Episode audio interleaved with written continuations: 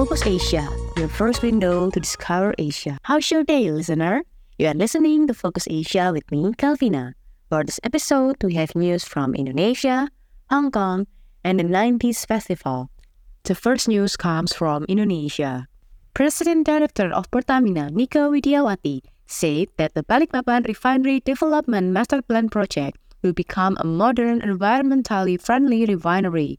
This is because it can reduce carbon.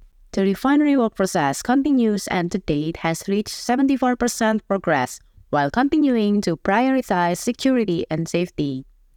The construction of the Balikpapan refinery was more difficult because the project was built alongside an existing refinery that was still in operation. Other challenges also come from the use of large volumes and heavy equipment. As the project with the largest investment, Balikpapan RDMP has a multiplier effect on regional economic growth because it involves regional companies, absorbs local labor, and the domestic component level target reaches 30 to 35%. When completed, the project is expected to generate annual savings of 2.5 billion US dollar from fuel, LPG, and petrochemicals. Funding for the construction of this project has the trust and support of four export credit agencies and 22 commercial creditors with a total value of 3.1 billion US dollar, which will be channeled to PT Pertamina Balikpapan Refinery. Nicke hopes that after this project is completed, the Balikpapan Refinery will become Indonesia's modern refinery,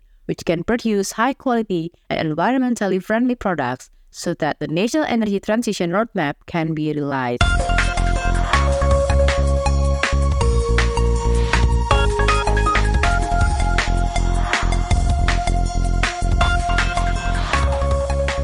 Moving on, we have a news from Hong Kong.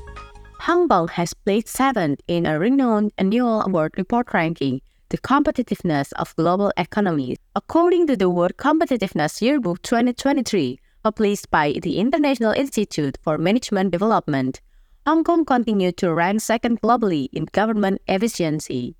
The IMD WCY 2023 recognized that Hong Kong continued to be one of the most competitive economies in the world.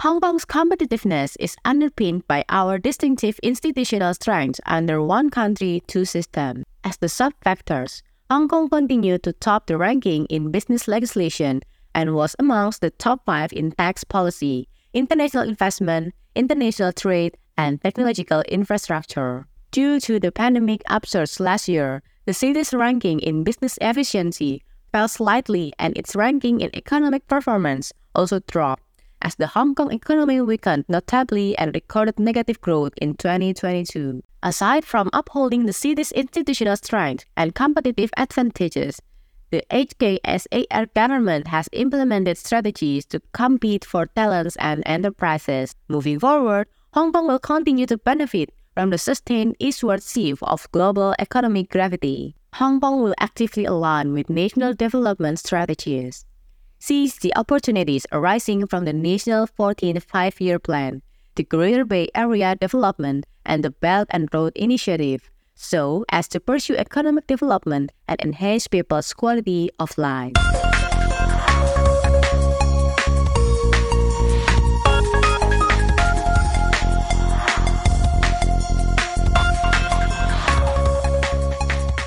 The next news comes from Indonesia.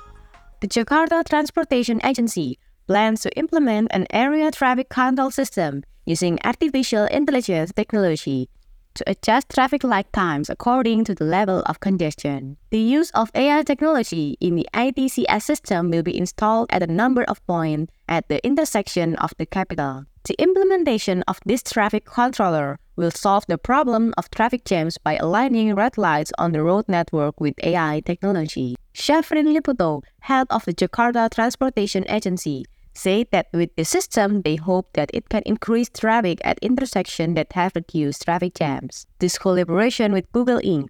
is beneficial for a new style of traffic management pattern by optimizing technology in Jakarta. Another plan that will be carried out to anticipate congestion in the capital city is the regulation of employee working hour. Pemprov DKI Jakarta is currently drafting a regulation which will later announce the result of this focus group discussion. Currently, 162 out of 321 intersections in Jakarta have used the previous generation ATCS system. Meanwhile, as many as 20 intersection points will use ATCS with AI technology. However, Syafrin has not specified the 20 intersections.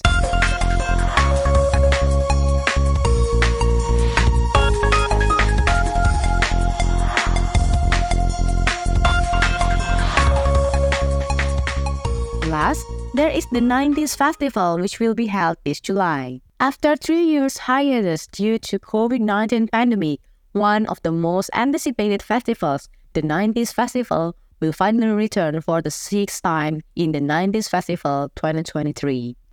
As the name of the festival suggests, this event will be enlivened by top musicians who were famous in the 90s. Akselerasi Entertainment, as the promoter, officially announced that the 90s Festival 6 is ready to be held on August 12 to 13, 2023 at Gambir Expo Kemayoran, Central Jakarta. There are interesting things in the 90s Festival 2023, namely bringing an international musicians as guest star that are Mr. Big, The Cardigans, 911, and Rick Bears. The 90s Festival 2023 also present national musicians such as Padi Reborn, Chocolate, Ahmad Band, Krakatau with Andre Dinu's Expari Likumahuwa, Crucial Life by Erwin Gutawa, Portrait, Java Jive, and others. There will still be additional artists who will be present at the 90s Festival, which will be announced in the third phase lineup. Currently, the 90s Festival tickets are entering pre-sale too, which is priced at 1,250,000 rupiah in the festival category for regular two-day pass ticket that give buyers access to two days, and for the Super Festival two-day pass ticket type has entered pre-sale for for 3.5 million. Ticket purchases for the 90s Festival 2023 can only be made through the official website at www.the90sfestival.com. The news from the 90s Festival closes this week's episode. Don't forget to always listen to Focus Asia every week to update your knowledge about what happens in Asia. I'm Galvina. See you on the next episode of Focus Asia, your first window to discover Asia.